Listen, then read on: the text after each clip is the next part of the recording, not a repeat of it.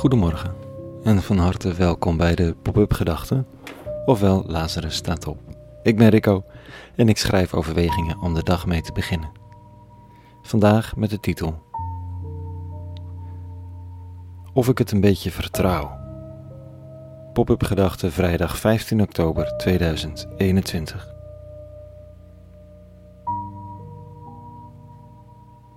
Als ik het niet vertrouw, ga ik harder werken. Of het nu op het podium is, of in de organisatie van een festival, of in een relatie. Je twijfelt over een deel of geheel. Het wordt allemaal wat onzeker onder de voeten en je denkt, piekert, gooit er nog eens wat extra inspanning tegenaan en dat kost bakken energie. Want niets garandeert dat jouw harder werken oplevert wat je zoekt. Je probeert het gevoel van onzekerheid te sussen en wil zorgen dat achteraf niemand kan zeggen dat het aan jou gelegen heeft. Er is zomaar kans dat je het niet bespreekbaar maakt ook. Dus in plaats van te gaan zitten met je partner of de tijd te nemen met het publiek waar tegen je spreekt of met de andere organisatoren van het festival waar je aan werkt en je gevoel op tafel te leggen, je hart. In plaats daarvan sluit je juist jezelf af en doet er een schepje bovenop. Je kent, herkent het vast wel bij sprekers of artiesten, misschien ook wel eens in de pop-up gedachten hier. Dat je denkt, wat doe je nou onrustig man? Easy. Of dat je zelf naar adem zit te happen als luisteraar, omdat je het gevoel hebt dat de spreker het niet doet. Plaatsvervangend benauwd.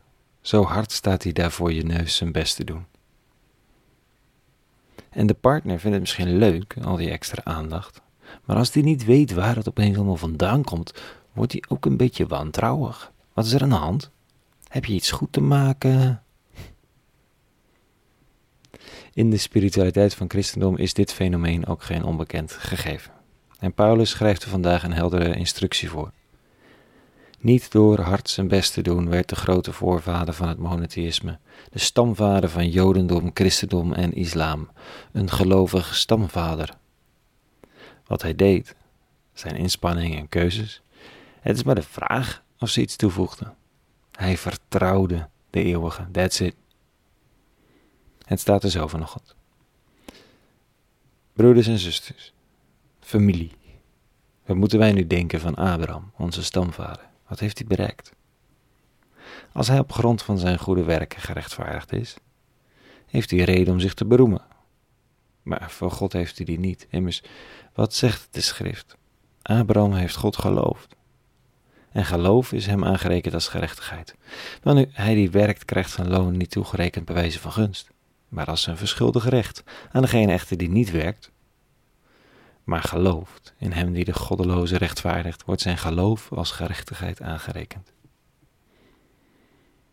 Nou, lange zinnen, voor sommigen van ons zijn het ook eikenhouten termen geworden, die goede werken. Dat is dan jargon voor een ogenschijnlijk katholieke verlossingsleer, waarbij je een puntentelling zou moeten bijhouden over je leven.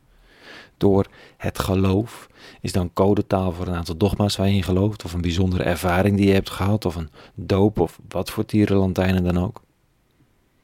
Maar als we dat allemaal even wegkieperen en die zinnen even fris en losjes ter hand nemen, dan is vertrouwen de key. Vertrouwen als in to have faith. Het positieve antwoord op de vraag of je er nog een beetje geloof in hebt. Dat je weet dat het veilig genoeg is om te zeggen dat je het niet trekt, of dat je het niet vertrouwt, of dat je er niet zo warm meer van wordt, of wat dan ook. Al die dingen die je in spanningsvolle, onveilige situaties niet kunt zeggen, omdat je bang bent dat de boel dan ontploft. Met de paradoxale werking dat als je het niet vertrouwt en het niet zegt, de situatie ook onveilig wordt en je het niet meer kunt zeggen en het al heel snel in een negatieve visieuze cirkel terecht kunt komen.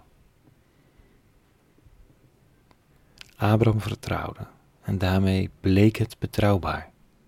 Dat leven van hem onder het perspectief van de eeuwige. Hij voelde zich geroepen, ging op pad, hij debatteerde met de eeuwige over van alles en nog wat, maakte stomme fouten, gaf het op, had er dan toch weer vertrouwen in en zo leefde hij met een besef van een ongrijpbare, nabije, eeuwige ander.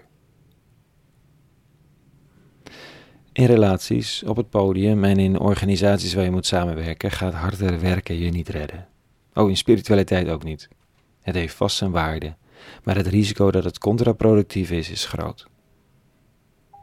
Vertrouwen geven door op tafel te leggen waar de schoen wringt en dan samen op pad te gaan het onbekende tegemoet, dat is een weg vooruit. Ook in spiritualiteit.